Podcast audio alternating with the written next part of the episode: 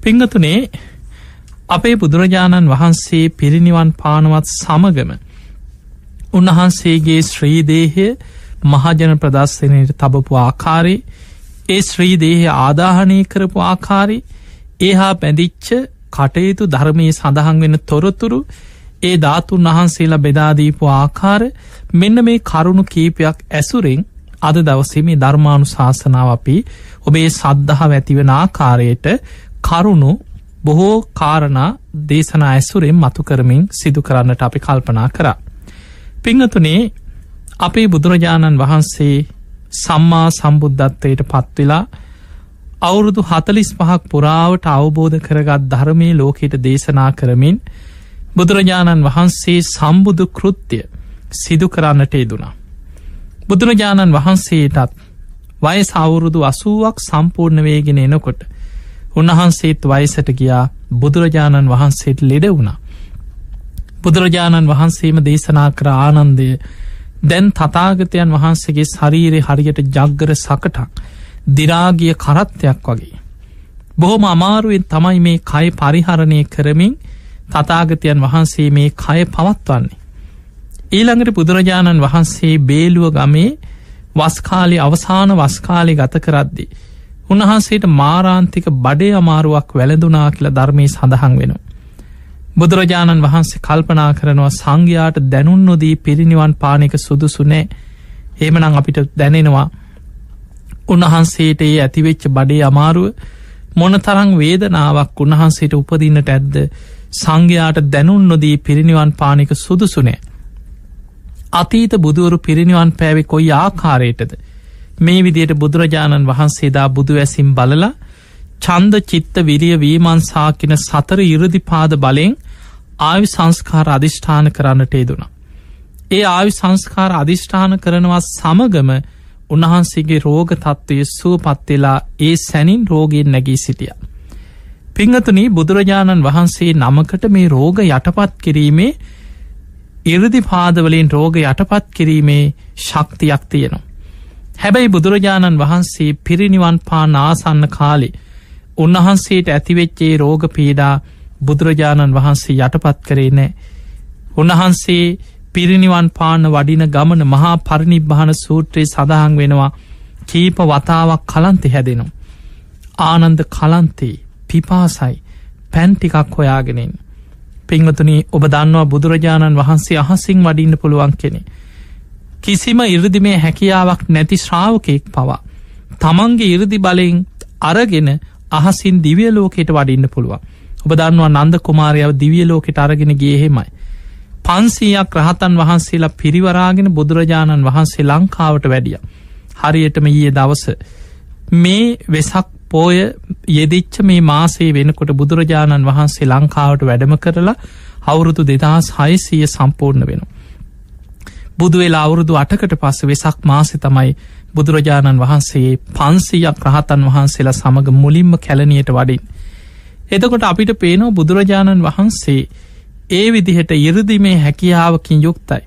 හැබැයි බුදුරජාණන් වහන්සේට තිබුණ අහසිම්ම කුසිනාරාවේ මල් රජදර්වන්ගේ උපවර්තන සාල වනෝද්‍යානයට සංඝයා සමඟ පිරිනිවන් මංචකයට අහසිං වඩින්.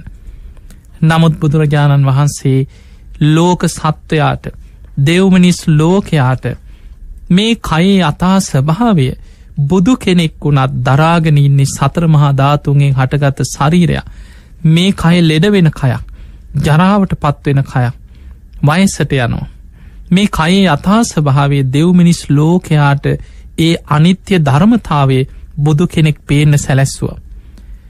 පිංහතුනේ බුදුරජාණන් වහන්සේ ඔබ දන්නවා කීප වතාවක් කලන්තෙ හැදෙනවා පිපාසය ඇති වෙන.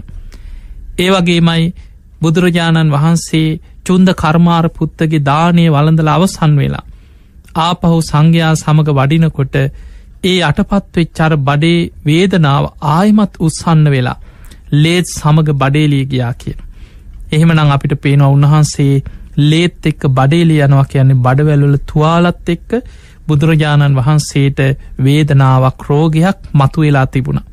හැබැයි මේ සියලු රෝගයන් ඉරදිපාද බලෙන් ආවි සංස්කාර අධිෂ්ඨාන කරලා.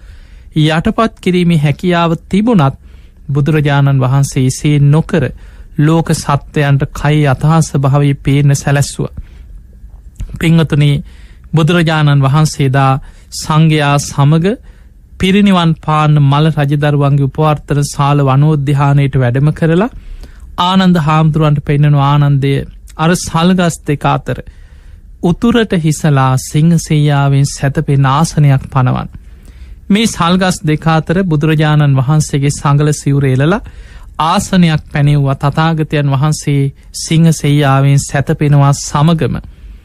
අවට තිබ්බ සල්ගස්වල ඉබේම සල්මල් පිපිලා අතු බුදුරජාණන් වහන්සේ දෙසට නැමිලා සල්මල් කඩා හැලෙන්ට පටන් ගත්තා.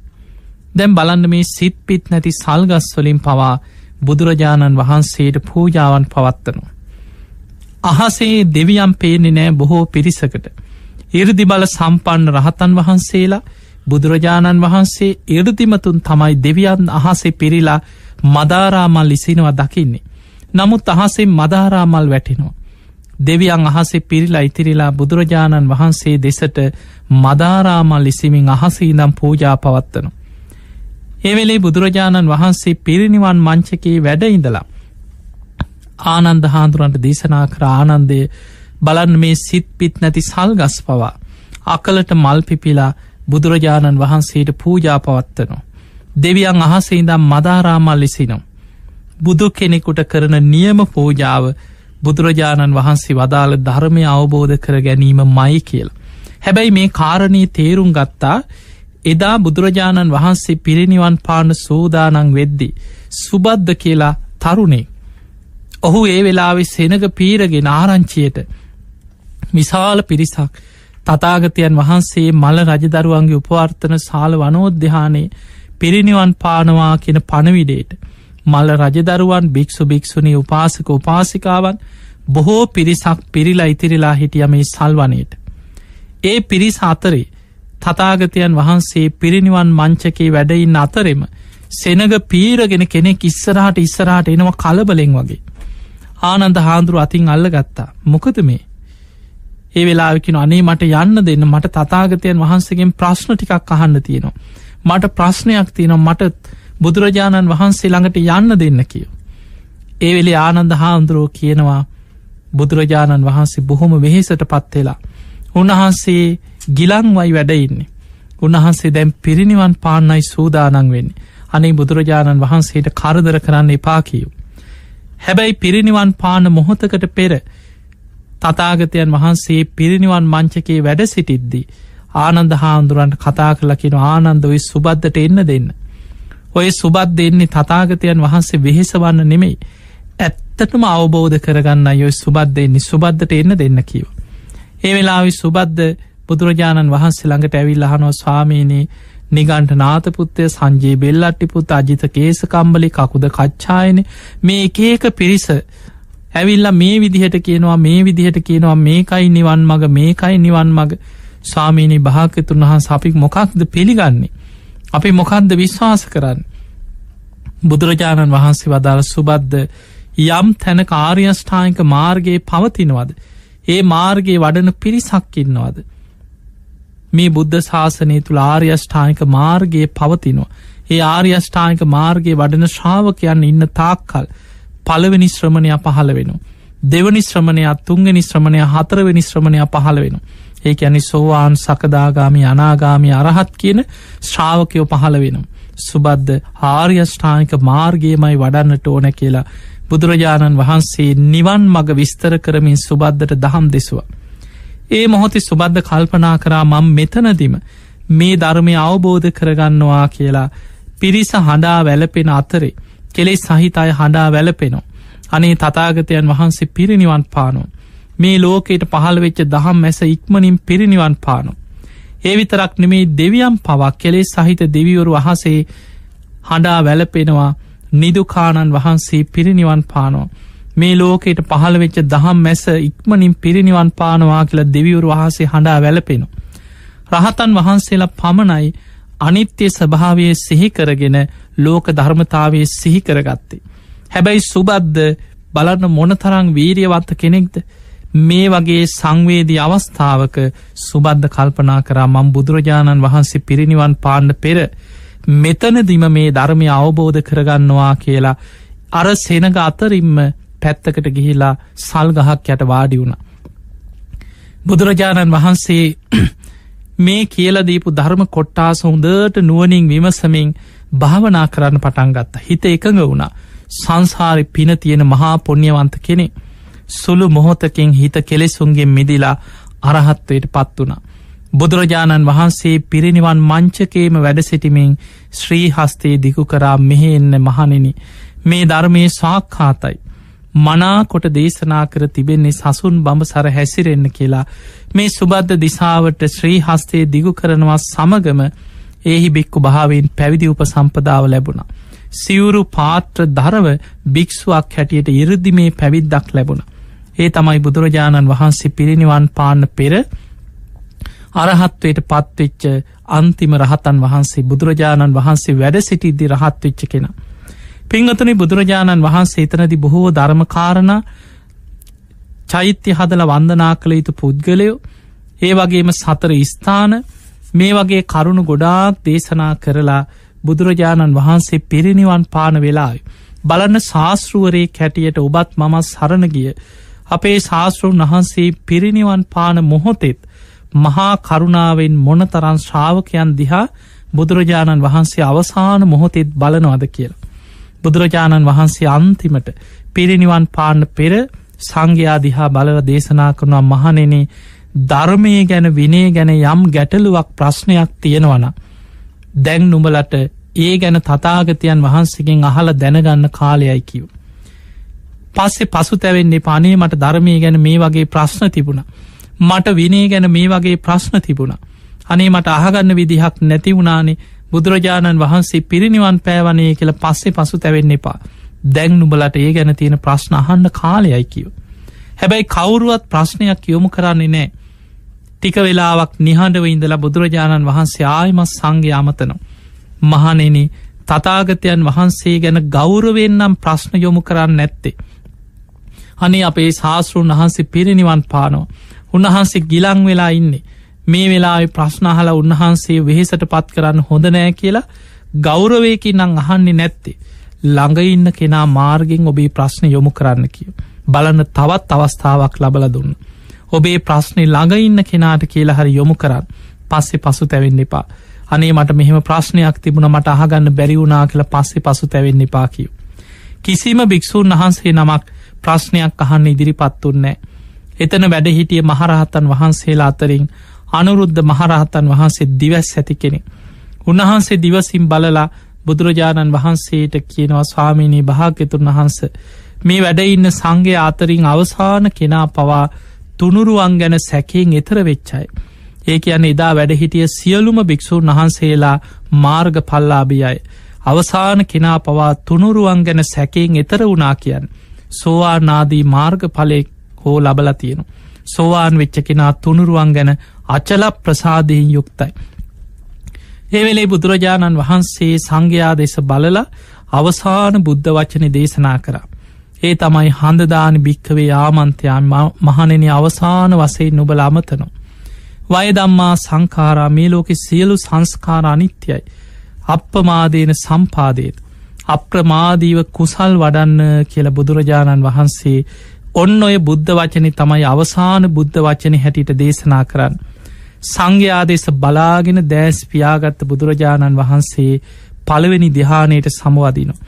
පළවෙනි දිහානෙන් දෙවනි දිහානයට දෙවනි දිහානයෙන් තුන්ගනි දිහානයට තුන්ගනි දිහානයෙන් හතරවෙනි දිහානයට සමවැදිලා ආකාසා නංචායතන විඤ්ඥානංචායතන ආකින් චඥායතන නේව සංඥා නා සංඥායතන කියන අරූප දෙහානයන්ට පිළිවලින් සමවැදිලා.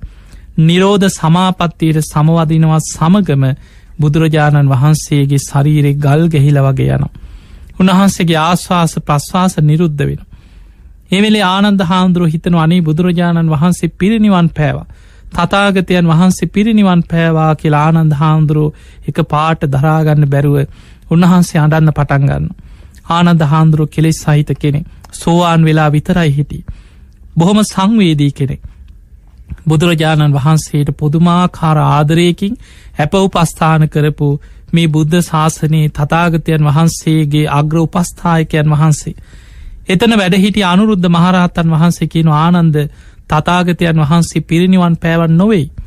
තාම නිරෝධ සමාපත්තියට යොයි සමවැදුනි. තතාගත බුදුරජාණන් වහන්සේ නිරෝධ සමාපත්තියෙන් මොහොතක් වැඩඉඳලා සමාපත්ති එකින් එක අඩු කරගෙන අඩු කරගෙන ආයමත් පළවෙනි දෙහානේ දක්වාම සමවදිනවා.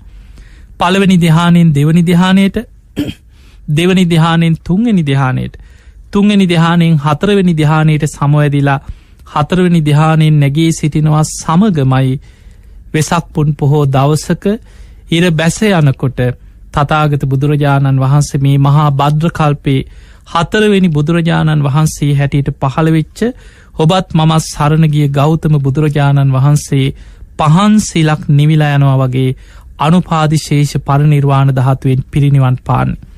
බුදුරජාණන් වහන්සේ පිරිනිවන් පානවත් සමගම දස දහසක් ලෝක දහතුවම ආලෝකමත් වෙලා යනු. දස දහසක් ලෝක ධාතුම කම්පාවට පත්වෙනවා. දෙවියන් අහසේ හඬා වැලපෙද්දි සක්‍ර දෙවියන් අහසේ ඉදං ගාථාවක් කියනු. අනිච්චාවත සංකාරා උපාදවය දම්මිනු. උපච්චිත්වා නිරුජ්ජන්තී තේ සංගූප සමෝසුකෝ කෙන මේ ගාථාව සක්‍ර දෙවියන් අහසේ ඉදං කියන්න. පිංහතුනේ ඔය බුදුරජාණන් වහන්සේගේ පිරිනිවන් පෑමෙන් පසුව. දින හතක් පුරා ශ්‍රීදේහේ මහජන ප්‍රදර්ශනයට ඒ පිරිනිවන් මංචකේම ඒ ඉරියව්වේම බුදුරජාණන් වහන්සේගේ ශ්‍රීදේහේ මහජනතාවට සතියක් දැක බලා වන්දනා කරගන්න සැලැස්ව. බලන්න බුදුරජාණන් වහන්සේගේ බුද්ධ අධිෂ්ඨාන ගැන. පිරිනිවන් මංචකේදි පිරිනිවන් පාන්න පෙර බුදුරජාණන් වහන්සේ සිදුකරපු මහා අධිෂ්ඨාන පහක් ගැන සඳහන් වෙනවා. ඊළඟට බුදුරජාණන් වහන්සේ පිරිනිවන් පෑවට පස්සේ උන්වහන්සේගේ ශ්‍රී ශරීරයේ ශ්‍රී දේහේ ඒ ආකාරයෙන්ම දින හතක් සැදහැවතුන් දෙව් මිනිසුන් වන්දනා කරගත්ත. රෑ එලි වෙනකම් මිනිස්සු පෝලිංවල මල් අරගෙන සුවඳ පූජාවන් අරගෙන හඬා වැලපෙමින් කෙලෙස් සහිත අය බුදුරජාණන් වහන්සේගේ බුදු සිරුරට මල් පූජා කරමින් තතාගතයන් වහන්සේගේ ශ්‍රීදේහේ වන්දනා කර. ඔබ හිතන්න සාමාන්‍ය මනුස්සෙක් මිය ගිහිල්ලා දවස් හතක් යනකං කිසිම සාමාන්‍යෙන් අද දවස් දෙකතුන යනකොට ශරීර ඉදිමිලා නිල් වෙලා ඕජා වැගිරෙනවා විශාල දුගදක් හමනවා සාමාන්‍ය කෙනෙක් ගෙන බලන්න බුදු කෙනෙකුගේ මේ ආශ්චරය බුදුරජාණන් වහන්සේ පිරිනිවන් පාලා දින හතක් ශ්‍රීදේහි මහජන ප්‍රදර්ශනයට තබනවා කිසිම වෙනසක් නොවේ ඒ ආකාරයම පැවතුනා කියල සඳහන් වෙනවා. දින හතකට පසුව සුවඳ පැංවලින් දෝවනය කරලා සඳුන් වතුරෙන් දෝවනය කරනු. බුදුරජාණන් වහන්සේ පිරිනිවන් පාන්න පෙර ආනන්ද හාමුදුරන්ට දැනුන්දු ආනන්දය තතාගතයන් වහන්සේ පිරිනිවන් පෑවට පස්සේ සක්විති රජ කෙනෙගේ ශරීරයක් ආදාහනය කරන විදිහට කපපොළුම් පටල පන්සීයකින් සිවුරු පන්සියකින් ඔතලා රන් දෙනක තැම්පත් කළ සඳුන් චිතකයක් තුළ ආදාහනය කළ යුතුයි කියලා. සක්විති රජ කෙනෙක් ගෙනම් කපපුළුම් පටල පන්සීයයි රන් සලු පන්සියකිනු යොතන. බුදුරජාණන් වහන්සේ නමකගේ කපුපුළුම් පටල පන්සීයයි අලු සිවුරු පන්සියකින යොතල රන් දෙනක තැම්පත් කළ සඳුන් චිතකයක් තුළ තමයි මේ ශ්‍රී දේහි ආදාහනය කරන්න. දැන් ඔන්න බුදුරජාණන් වහන්සේගේ බුදු සිරුර සුවඳ පැංවලින් දෝනය කරලා ඉස්සල්ලාම අලු සිවුරකින් එතුවා.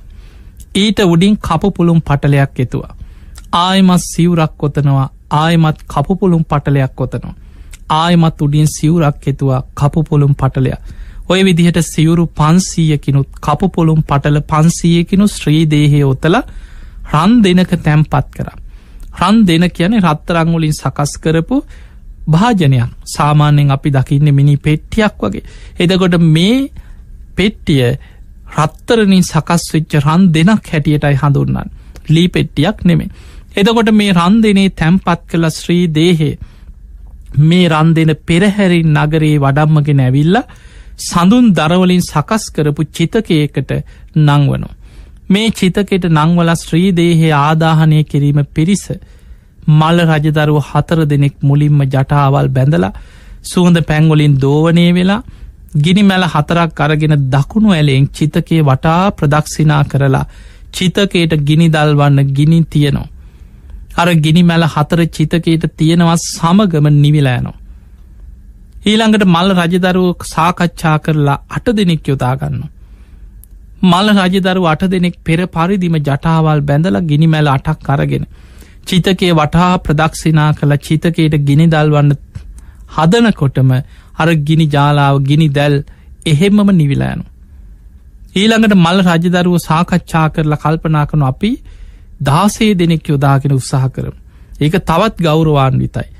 බුදු කෙනෙක් වෙනුවෙන් අපි මෙහෙම කරමු කියලා මල්ල රජදරුවෝ දාසේ දෙනෙ. චිතකයට ගිනි දල්වන්න උත්සාහ කරා ගිනි දල්වන්න හදනකොටම ඒ සැනින් චිතක ගිනි දැල් නිවිලෑනු. අවසානින් මල් රජදරුවන්ට තේරුණා මොකක් හෝ අඩුවක් ඇති. කාගෙන්ද මේක විමසන්නේ. පිංහතුනි බුදුරජාණන් වහන්සේ පිරිනිවන් පාන්න පෙරයි අගසව් දෙනම පිරිනිවන් පෑවි. ඒක ලෝක ධර්මතාවයක්. හැම බුදු කෙනෙක්කුටම පෙර අග්‍රශ්‍රාවකයන් වහන්සේලා දෙනම පිරිනිවන් පානු. අපේ බුදුරජාණන් වහන්සේ පිරිනිවන් පාන අවුරුද්ධකට පෙර සාරිපුත්ත මොග්ගල්ලාන කියන අග්‍රශ්‍රාවකයන් වහන්සේලා දෙනම පිරිනිවන් පෑව. ඊළඟට මේ බුද්ධ ශාසනී වැඩඉන්නේ අසූ මහා ශ්‍රාවකයන් වහන්සේලා. ඒ අතර ශේෂ්ඨතම මහරහතන් වහන්සේ තමයි මහාකාශප මහරහතන් වහන්සේ. තතිය ශ්‍රාවකයන් වහන්සේ සැරියුත් මුගලන් දෙනම ළඟට බුද්ධ ශාසනය හිටපු ඊළඟ කෙනා. හැබැයි උන්වහන්සේ බුදුරජාණන් වහන්සේ වැඩ සිටිද්දී මිනිස්සු ඉන්න නගරවල ජනතාව අතර මේ ශ්‍රාවකයන් අතර ගැවසෙන්න කැමති වුණේ නෑ. ඒ නිසාම දූතාංග සමාදන් වෙලා මහා වනාන්තරයේ කැලෑවල්වල හුද කලාව තමයි උන්වහන්සේ කාලේ ගත කරේ. ඒකට හේතුව මහා කාශප මහරහතන් වහන්සේගේ පෙනුම හරියට බුදුරජාණන් වහන්සේ වගේමයි. මහාපොරුෂ ලක්ෂණ හතක් උන්වහන්සේටත් තිබුණ. එනිසා සමහරය ඈතට දකිනකොට අන්න බුදුරජාණන් වහන්සේ වඩිනවා කියලා මහාකාශප මහරහතන් වහන්සේ දැකළ රැවටෙනවා. බුදු කෙනෙක් ලෝකෙ වැඩ සිටිද්දී. අන්න බුදුරජාණන් වහන්සේ කියලා මහාකාශප මහරහතන් වහන්සේට රැවටෙන නිසා.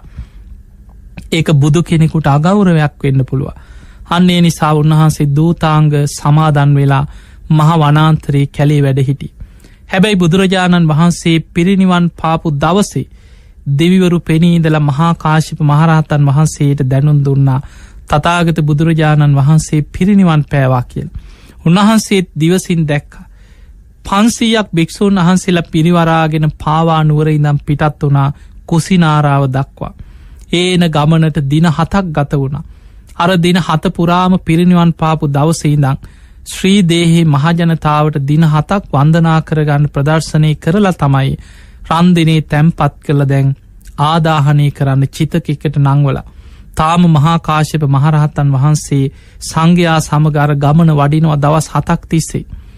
ඒ වඩින ගමනෙදී මහාකාශප මහරහතන් වහන්සේගේ හිතේ මෙහෙම සිතුවිල්ලක් උපදිනවා. තතාගත බුදුරජාණන් වහන්සේ මට බොහෝ කාලිකින් දැකලා උන්වහන්සේගේ සිරිපතුල් වන්දනා කරගන්න බැරි වුණ. පහක්ගෙවත් බුදුරජාණන් වහන්සේ මේ ලෝකයට පහළ වෙච්ච දහම් මැස මල රජදරුවන්ගේ උපවර්තන සාල වනෝද්‍යානි පිරිනිවන් පාල. අනේ උන්වහන්සේගේ ශ්‍රී දේහය ආදාහනය කරන්න පෙර ඒ තතාගතයන් වහන්සේගේ දහසක් නිම්වලලුවලින් යුක්ත. ඒ චක්‍ර ලක්ෂණයන්ගෙන් යුක්ත සම්බුදු සිරිපතුල් මගේ නලලිතියාගෙන මට බුදුගුණ සිහිකරමින් එක වතාවක් හෝ වන්දනා කරගන්න ලැබේවා ලැබේවා කියලා හිත හිතා උන්වහන්සේ ඈත ඉඳං වඩිනෝ. මේ මහා කාශප මහරහතන් වහන්සේගේ සිතුවිල්ල දෙවිවරු දකිනෝ. දෙවියන් දකින නිසා චිතකයට ගිනි දල්වන්න ඉඩ නොදී ගිනි දල්වන්න හදනකොටම චිතකයේ ගිනි දෙවියන් නිවනෝ. මේ කාරණයේ දිවසින් දැක් අනුරුද්ධ මහරහතන් වහන්සේ. අනුරුද්ධ මහරහතන් වහන්සේ මල් රජදරුවන්ට කියා හිටිය රජදරුවනී මේ දෙවියන් කරන කාරණය. ඔබේ වරදක් නිසා නෙමෙයි චිතක ගිනි නිවිලෑන්නේ. ඇයි ස්වාමිනී දෙවිවරු චිතකේ ගිනි දල්වන්න ඉඩ නොදෙන්නේ. ඒ වෙලා උන්වහන්සේ දිවසිම් බලලකින රජදරුවනේ මහා කාශප මහරහත්තන් වහන්සේ පාවානුවර සිට පන්සීයක් භික්‍ෂූන් වහන්සේලා පිරිවරාගෙන වඩිනෝ. උන්වහන්සේ වැඩම කරලා මේ චිතකය වන්දනා කරගෙන බුදුරජාණන් වහන්සේගේ සිරිපතුල් නලලිතියාගෙන වන්දනා කරගන්න තෙක් චිතකයට ගිනි නොදැල්වේවා කියලා දෙවියන් ඉඩ නොදීන්නවා කියෝ. ඒ වෙලාවේ සියලු දෙනා ගිනි දල්වන්න ගත්ත උත්සාහය අතහැරලා මහාකාශප මහරහතන් වහන්සේ දැන් වඩී දැන් වඩී කියලා මඟ බලාගෙන පාරදිහා බලාගෙන හිටිය. ඒ අතර සමහරු හිතනවා කොහොමද දැන් බුදුරජාණන් වහන්සේගේ සිරිපතුල් වඳින්නේ. ඒ ශ්‍රී දේහේ දැන් කපපුළුම් පටල පන්සියකින් ඔතලා සිවුරු පන්සියකින් ඔතල රන්දිනෙ තැම්පත් කරලා ඉවරයිනේ චිතකෙටත් නංවලනේ දැම් බලාගෙනන්නවා. ඈති මහාකාශප මහරහත්තන් වහන්සේ පන්සීයක් භික්‍ෂූන් පිරිවරාගෙන වඩිනකොට හැමත් කෙනාටම අනේ බුදුරජාණන් වහන්සේ වඩිනවා කියලා බුදුහාමුදුරුව වඩිනවා කියලා සිහිවුණ. මහාකාශප මහරහත්තන් වහන්සේගේ පෙනුම බුදුරජාණන් වහන්සේ වගේමයි. මහාකාශප මහරහත්තන් වහන්සේ තනට වැඩම කරලා සිවරේ කාන්ස කළ පොරවගෙන මේ චිතකයේ වටා බුදුගුණ කිය කියා තුන් වලල්ලක් අපි චෛත්‍ය ප්‍රදක්ෂිනා කරමින් වඳිනවා වගේ දකුණු ඇලෙන් චිතකයේ වටා බුදුගුණ සිහිකර කරා තුන් වටයක් ප්‍රදක්ෂිනා කරමින් වන්දනා කර. එහෙම වන්දනා කළ උන්වහන්සේ දකිනවා තතාගතයන් වහන්සේගේ හිස පිහිටිය මෙතන සිරිපතුල් පිහිටියේ චිතකෙ මෙතනයි කියලා අඳුනගෙන දන ගහලා චිතකයට නලල තිබ්බා. උන්වහන්සේ අධිෂ්ඨානයක් කරා තතාගතයන් වහන්සේගේ ශ්‍රී දේහය කපුපොළුම් පටල පන්සියකින් ඔතලා සිවුරු පන්සියකින් ඔතල රන්දිනේ තැම්පත් කළ චිතකයට නංවලතියෙන් මේ සිවුරු පන්සීයත් කපුපොළුම් පන්සීය පටල පන්සීයත් විවර කරගෙන රන්දෙනෙන් එලියට සිරිපතුල් නික්මිලා චිතකේ නොසෙල්වී සිරිපතුල් පමණක් නික්මිලා මගේ නලලි පිහිටාවා කියෙන අධිෂ්ඨානින් චිතකයට නලල තිබ්බා. පිංහතුනි හරි මාශ්චරයක් කියන්නේ දින හතකට පෙර බුදුරජාණන් වහන්සේ පිරිනිවන් පෑවේ. උන්වහන්සේගේ සිරිපතුල්ලු යුගල චිතකෙන් එලියට නික්මුණා. නික්මිලා මහාකාශිප මහරහතන් වහන්සේගේ නලලි පිහිටිය. මහාකාශිප මහරහතන් වහන්සේ බුදුගුණ සිහිකර කර සිරිපතුල් නලලි තියාගෙන පිරිමදිමින් බුදුගුණ සිහිකර කර උන්වහන්සේ වන්දනා කරගත්තා. ඒ වෙලා එතන වැඩහිටිය භික්‍ෂූන් වහන්සේලා මල රජදරුවන් භික්‍ෂු භික්‍ෂුණී උපාසක උපාසිකාවන් බොහොම සද්ධාවෙන් අවසාන වතාවට බුදුරජාණන් වහන්සේගේ දහසක් නිම්වලලිගුල්ලින් යුක්ත චක්‍ර ලක්ෂණ මංගල ලක්ෂණයන්ගෙන් යුක්ත සුප්පතිත් හිත පාද ඒ උතුම් සිරිපා සටහන සිරිපතුල් වන්දනා කර. මහා කාශප මහරහතන් වහන්සේ සිරිපතුල් නලලෙතියාගෙන වන්දනා කරලා චිතකයට වැඳලා නලල ඉවතට ගනිමින් නැකෙටිනවා සමගම දේවානු භාවයෙන් ගිනි ඇවිලුනා කියලා ධර්මය සඳහන් වෙන්. කිසිම කෙනෙකුට ගිනි දල්වන්න ලැබුන්නෑ ඉබේම සැනින් දේවානු භාවෙන් චිතකයට ගිනි දැල්වෙනු. මෙන්න මේ ගිනිදැල් අතරින් මේ චිතකේ සඳුන් දරවලින් යුක්ත චිතකේ ගිනිදැල් අතරින් තමයි රන්දනේ ඇතුළෙ තිබිච්ච බුදුරජාණන් වහන්සේගේ ශ්‍රී දේහය ආදාහනයවීම සිද්ධවෙන්. පිංහතුනි මේ කාරණය මෙන්න මේ විදිහට ඔබ තේරුම් ගන්නට ඕන. ඒ තමයි අපි බොහෝ වෙලාවට අපි දැන් සාමාන්‍ය සාමීන් වහන්සේ නමක් ආදාහනය කර නොබ දැකළ ඇති. සාමාන්‍ය ලංකාවෙනම් අපි සාමීන් වහන්සේ නමක් අපවත් වනාට පස්සේ මේ ලීවලින් සකස් කරපු පෙට්ටියක තමයි උන්වහන්සේගේ දේහේ තැම්පත් කරන්න. ඊළඟට දර සෑයක් හදල මේ දේහේ තැම්පත් අර පෙට්ටිය මේ සෑය නංවල ගිනි දැල්වට පස්සේ අර දරයි පෙට්ටියයි දේහයයි මේ ඔක්කොම දැවිලා පිලිස් හිලා අලු ටික බිමතියෙන් බිමින් තමයි අලු ටික හොයලා ටිකක් එකතු කරලා ගන්න. එතකොට ඔය තමයි සාමාන්‍යෙන් අද මේ ගිනි දැල්වට පස්සේ ස්භාවි. හැබැයි බුදුරජාණන් වහන්සේගේ ශ්‍රීදේහෙ තැම්පත් කරේ රන් දෙනක. මේ රන් දෙන පිලිස්සෙන්නේ නෑ රන් දෙන ඒ විදිහටම ඉතිරිවෙන. හැබැයි රන් දෙනේ සිදුරු කීපයකින් ඒ යන ගිනි දැල්වලින් ඇතුලේ තියෙන කපපොළුම් පටල පන්සීය දැවෙනු. හැබැයි හරිම ආශ්චරමත් දෙයක් මේ බුද්ධ අධිෂ්ඨාන කියන මහා පුදුම ආශ්චරමත් දේවල්. බුදුගුණ අචින්තයයි. ඒ අචින්තය බුදුගුණ අපිට තේරුම් ගන්න තරම් අපේ නුවන මදි. ධර්මය සඳහන් වෙනවා බුදුරජාණන් වහන්සේගේ සිරුර පලවෙනියට ඔත්තපු ඒ සිවුර පිලිස්සෙන්නේ නෑ. පන්සියවෙනියට උඩින් ඔතන සිවුර පිලිස්සෙන්න්නෙත් නෑ මොන තරන් ගිනි දැල් අතර තිබුණත්. සිවුරු හාරසි අනු අටක් දැවිල පිලිස්සෙනවා. කපපොළුම් පටල පන්සීයම දැවිල පිලිස්සෙනවා. ශ්‍රී දේහේ සම්මස් නහර පිලිස්සිලා යනවා. හැබැයි අලුවත් දැලිවත් දූවිලි ටිකක්කත් ඉතිරි නොවේ රන් දෙන ඇතුළෙම ගිතෙල් ටිකක් දැවුන වගේ සියල් අතුරු දහන් වෙලා යනු. අර සිවුරු හාරසි අනුවටේවත් කපුපොළුම් පටල පන්සියවත් තතාගත බුදුරජාණන් වහන්සේගේ සම්මස් නහර පිළිස්සුනාට ඒ ශ්‍රී ශරීරයේ අලුවත් දැලිවත් මොනවත් රන්දින ඉතිරි උන්නෑ කියන. සිවුරු දෙකයි. මේ සිවුරු දෙක අතරේ බුද්ධ අධිෂ්ඨානය මත ධාතුන් වහන්සේලා පමණයි වෙංවෙංව ඉතිරිවෙන්. අනෙක් සියලු කොටස් ගිතෙල් ටිකක් දැවුණ වගේ දැවිල අවසන් වෙලා යනවා. පිංහතුනි ඔය විදිහට ශ්‍රීදේහි ආදාහනය වෙනකොට ආශ්චරය කාරණා රැසක් සිද්ධ වෙන. ඒ තමයි එතන වැඩහිටිය සාරිපුත්ත මහරහත්තන් වහන්සේගේ ශිෂ්‍ය භික්‍ෂූන් වහන්සේලා බොහෝ පිරිසක්. ඒ අතර බොහොම ඉරදි බල සම්පන්න සරභූ කියන මහරහත්තන් වහන්සේ. ඉරදියෙන් ගිනිදැල් අතරින් උන්වහන්සේ තේජෝ කසිනට සමවැදිලා ගිනිදැල් අතරින් චිතක ඇතුළට යනු. බුදුරජාණන් වහන්සේගේ ශ්‍රීදේහ ආදාහනය වෙද්දි. ග්‍රීවා දහතුන් වහන්සේ මේ බෙල්ලේ පිහිටි අස්තිධාතුන් වහන්සේලා හත් නම ග්‍රීවාස්ති කියල හඳුන්නනවා. මේ ග්‍රීවා දහතුන් වහන්සේ උන්වහන්සේ අතට අරගෙන උන්වහන්සේගේ ශිෂ්‍ය භික්‍ෂූන් වහන්සේලා පිරිසක් සමඟ අහස්සට පැනනැගල අහසිම වැඩම කරනවා මේ ලංකා භූමී මයිංගන චෛත්‍යරාජාණන් වහන්සේ ළඟට. එදා සුමන සමන් දෙවියන් කේෂධාතුන් වහන්සේලා තැම්පත් කළ ඉදිකරපු. ඒ මයිංගන සෑ ගර්බේ බුදුරජාණන් වහන්සේගේ ග්‍රීවා දහතුන් වහන්සේ තැම්පත් කරලා.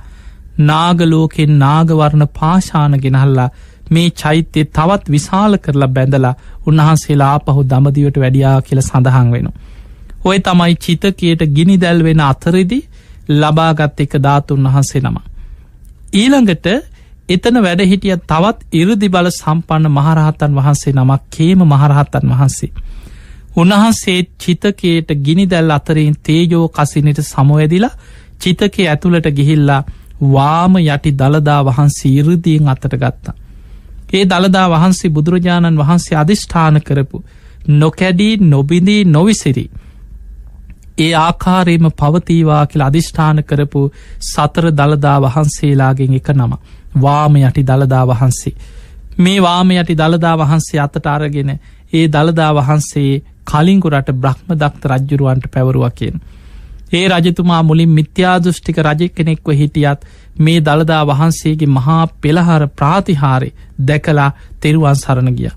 අවසානය ඇතිවෙච්ච නොයේ කුමන්රණ ඒ වගේ මාක්‍රමණ නිසා මේ දළදා වහන්සේ රැකගන්න තමයි දන්තකුමරු හේම මාලාවත ඒ දළදා වහන්සේව පිටත් කරවල අයිවන්න මේ ලංකා භූමියට. අද මේ වෙනකොට බුදුරජාණන් වහන්සේ මේ ලක් දෙරණි වැඩ සිටිනව හා සමානව. දෙව්මිනිස් ලෝකයා බොහොම සද්ධාවෙන් බැඳුම් පිදුම් කරන මහනුවර ශ්‍රී දළදා මාලිගාය වැඩ සිටින්නේ ඒ කේම මහරහතන් වහන්සේ ඉරදියෙන් චිතකේ ගිනි දැල් අතරින් ලබාගත්ත වාම යටි දළදා වහන්සේ.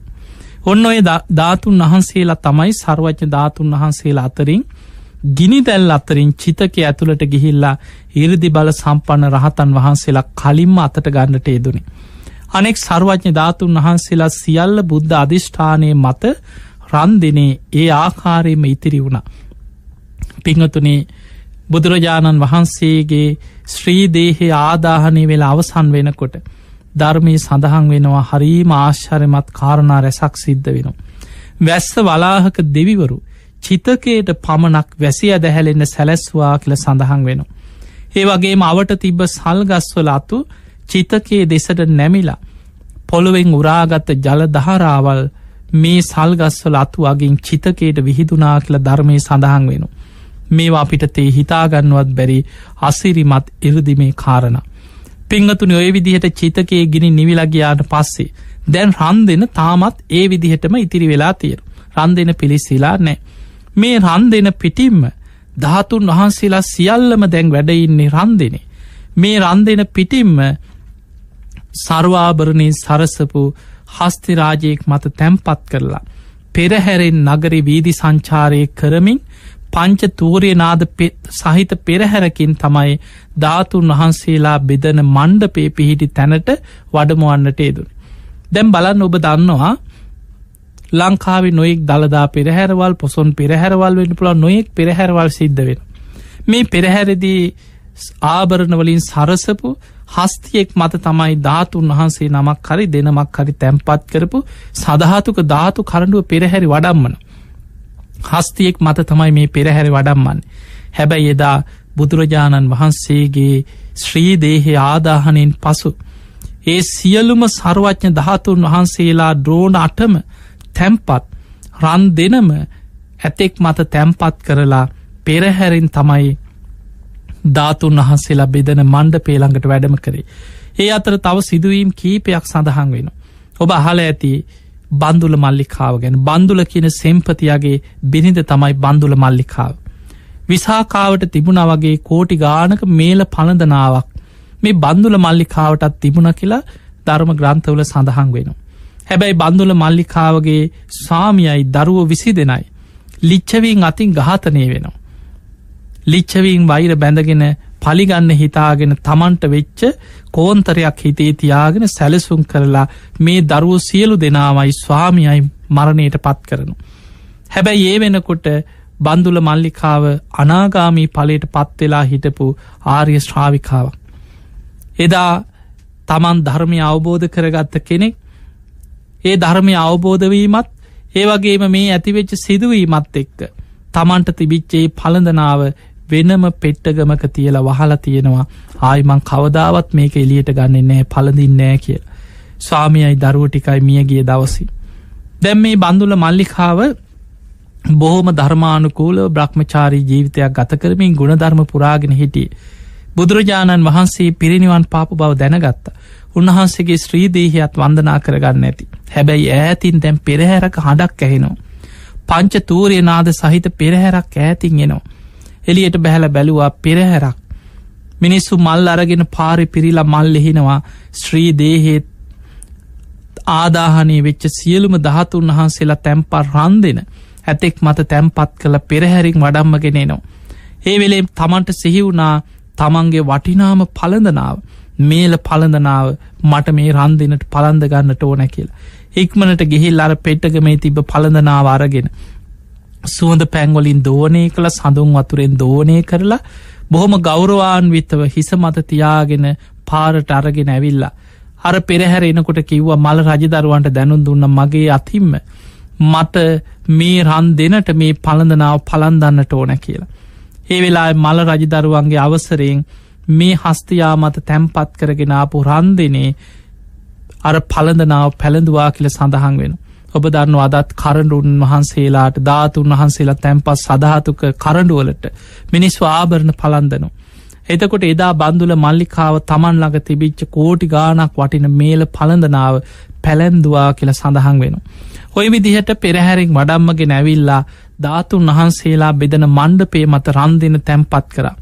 දැන් විශාල පිරිසක් පිරිලයිතිරිලා.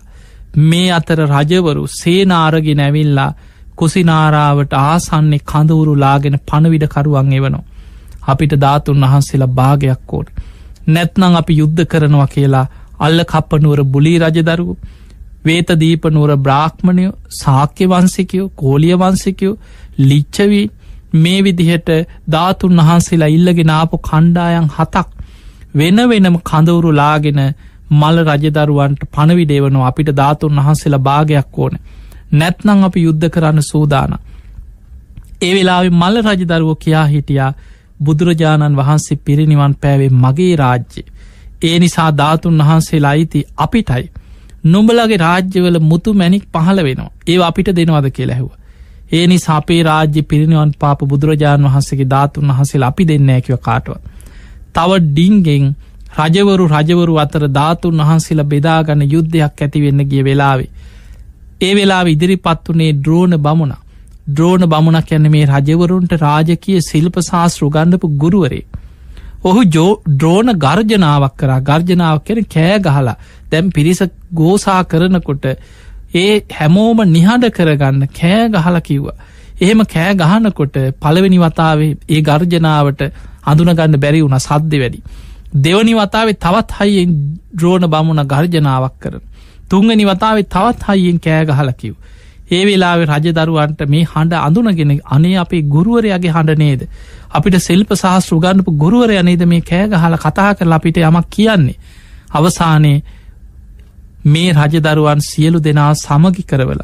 සමසේ ධාතුන් වහන්සේලා බෙදල දෙන්න ඔහු තම ඉදිරි පත්තෙන්. ඒ වෙලාවෙ තමයි මේ ඩ්‍රෝන බමුණ සියලු දෙනා සමගි කරලා රන් දෙන විවර කරනවා. ඒ රන් දෙන විවර කරනකොට අසිරි මත්ම සිදුවීම. ඒ තමයි මේ රන් දෙන ඇතුළේ සිවුරු දෙකක් විතරක් ඉතිරි වෙලා තියෙනවා. අනෙක් සියල්ල පිලිසිලා හැබැයි අලුවත් දැලිවත් දූවිලිවත් රන්දිනේ කොහෙවත් ඉතිරි වෙලානෑ. මේ සිවුරු දෙක අතරේ බුදුරජාණන් වහන්සේගේ විශාලම ධාතුන් වහන්සේ ලලාට ධාතුන් වහන්සේ වැඩඉන්නවා. ඒවගේ මකුධාතුන් වහන්සේලා දෙනම නොකැඩී නොබිඳී නොවිසිරි ඒ ආකාරයම රන්දිනේ වැඩ සිටිනු. සතර දළදා වහන්සේලාගේ තුන් නමක් වැඩඉන්න. එක නමක් ඒම මහරහතන් වහන්සේ කලින්ම එරදියෙන් අතට ගත්තා. සුදු බුදුරස් විහිදිච්ච සතර දළදා වහන්සේලාගින් තුන් නමක් රන්දනේ වැඩඉන්න. අනෙක් සියලුම සර්වඥ ධාතුන් වහන්සේලා මුම් පියලි ප්‍රමාණයට කඩ සහල් ප්‍රමාණයට අබෑට ප්‍රමාණයට බිදිල විසිරිලා වැඩ සිටිනාව වෙන වෙනම්. ද්‍රෝණ බමුණා මේ සියලුම ධාතුන් වහන්සේලා තමන් ළඟ තිබිච්ච රන් නැලිය භාවිතා කරලා වෙන වෙනම බෙදල බැලුව. මුම් පියලි ප්‍රමාණයට බිඳීගේ සර්වඥ ධාතුන් වහන්සේලා පුරවල පහක් තිබ්බ. කඩ සහල් ප්‍රමාණයට බිඳීගේ සර්වඥ ධාතුන් වහන්සේලා පුරවල පහක් තිබ්බ. කුඩාම ප්‍රමාණයට බිඳීගේ අබෑට ප්‍රමාණයට බිඳීගේ සර්වඥ ධාතුන් වහන්සේලා පුරවල හයක් තිබ්බ. දැන් ඔක්කොම අර භාජනින් පුරෝල දාසයක්. රජවරු අට දෙනෙකුට පුරවලත් දෙක බැගින් ද්‍රෝණ අටක් හැටියට මේ රජදරුවන්ට බෙදල දෙනවා. මේ විදිහට තමයි එදා ද්‍රෝණ බමුණා මේ උතුම් සර්වච්ඥ ධාතුන් වහන්සේලා ද්‍රෝණය ද්‍රෝණය බැගින් රජවරු අට දෙනෙක්කුට සමගි කරවල සමසී බෙදල දෙන්නට ඒදුනි. ඔය විදිහටයි පින්වතුනි බුදුරජාණන් වහන්සේ පිරිනිවන් පානවස් සමගම සතියක් ශ්‍රීදේහයේ මහජන ප්‍රදර්ශනයට තබල සතියකට පසුව ශ්‍රීදේහයේ සඳුන් චිතකේ ආදාහනය කරලා ධාතුන් වහන්සේලා බෙදල දෙන්න කටයුතු සූදානන් කරලා රජවරු අට දෙනෙකුට ද්‍රෝණය ද්‍රෝණය බැගින් සමසේ ධාතුන් වහන්සේලා බෙදල දෙන්නට දුනේ. අවසානයේ ඔබ අහල ඇති ද්‍රෝණ බමුණ මුලින්ම රන් දෙන විවර කරන වෙලාවෙ කල්පනා කරා මේ ධාතුන් වහන්සේලා සියල්ල බෙදල දුන්නොත් මට වන්දනා කරන්න ධාතුන් වහන්සේ නමක් නැතිවෙයි කියලා මුලින්ම එක් දළදා වහන්සේ නමක් කොරෙම්ම කාටවත් නොපෙනෙන් අරගෙන ජටාව හඟගත්තා. තව දළදා වහන්සේ නමක් ඉනේ හඟගත්ත. ඊළඟ දළදා වහන්සේ පාදයෙන් සඟවගත්තකෙන්. හැබැයි සක්‍ර දෙවියෝ දැක්කා මේ ජටාවේ හඟගත දළදා වහන්සේ මේ බමුණට වැඳුම් පිදුම් කරන්න තරං හැකියාවක් පුුණ්‍ය ශක්තියක් නෑ දෙවියන් වන අපට සුදුසුයි. ඒ වෙලාවෙ සක්‍ර දෙවියන් කරඩුවක් මවාගෙන ඒ රන් කරඩුවට අර ජටාව හංගගත දකුණු දළදා වහන්සේ තැම්පත් කරගෙන දෙවියන් සාධකාර දෙමින් ගිහිල්ලා දෙව්ලොව මවපු සිළුමිනි මහාසෑයි තුළම දකුණු දළදා වහන්සේ තැම්පත් කර අදටත්තේ දකුණු දළදා වහන්සේ දෙව්ලොව සිළුමිනි සෑයි වැඩඉන්න. ඊළඟට අර පාදයෙන් සඟවගත් අනෙක් දළදා වහන්සේ නාගලෝකෙ නාගයන් දැකලා ජයසේන නාරජුට දැනුන් දුන්න. මේ ධාතුන් වහන්සේලා වඳින්නාපු නාග පිරිසේ ජයසේන නාරජු පොළොව ඇතුළෙෙම්ම ඒ දකුණු දළදා වහන්සේ අරගෙන නාගලෝකෙට අරගෙන ගිය. අද මේ වෙනකොටේ දකුණු දළදා වහන්සේ තමයි පොළොන්නරුවේ සෝමාවතී චෛත්‍යය තුළ දෙව් මිනිස්සුන්ගේ වන්දනා ලබමින් නොයේ ක්‍රශ්මි විහිදෙමි. පෙළහර පාමින් ඒ මහා සෑය තුළ සෝමාවතී චෛත්‍ය තුළ වැඩඉන්නේ ඒ දකුණු දළදා වහන්සේ. ඊළඟට ඉනේ හංගගත්ත ඒ දළදා වහන්සේත් ගාන්ධර්ව දවේසෙන් ආපු තරුණෙක් දැකලා ඔහු අරගෙන ගියා කියල සඳහන් වෙන. එදා ගහන් දරුව කියල හැඳින්වේ වර්තමානය අද පකිස්ථානය කියල අපි හඳුන්වන රටට එතනින් එහායි දළදා වහන්සේ ගැන ලොකු විස්තරයක් ධර්ම ඉතිහාස පොත්තලනෑ. ඔය විදිහයට තමයි මේ ධාතුන් වහන්සේලා බෙදිලගේ පිංහතුනේ අද වෙනකොට ඊය දවස වෙනකොට අපි අපේ බුදුරජාණන් වහන්සේ පිරිනිවන් පාලා අවුරුදු දෙදස් පන්සීය හැට තුන වෙනි බුද්ධ වර්ෂයේ වෙසක්පුන් පොහෝ දවස අපි සමරන්නට ේදුනා. බුදුරජාණන් වහන්සේගේ පිරිනිවන් පෑමෙන් තමයි බුද්ධ වර්ෂය ආරම්භ වනේ. තව අවුරුදු දෙදස් හාරසිය ගණනක් යනතෙක් දෙව් මිනිස්සුන්ගේ වන්දනා ලබමින් බුදුරජාණන් වහන්සේ වැඩ සිටින වසේ.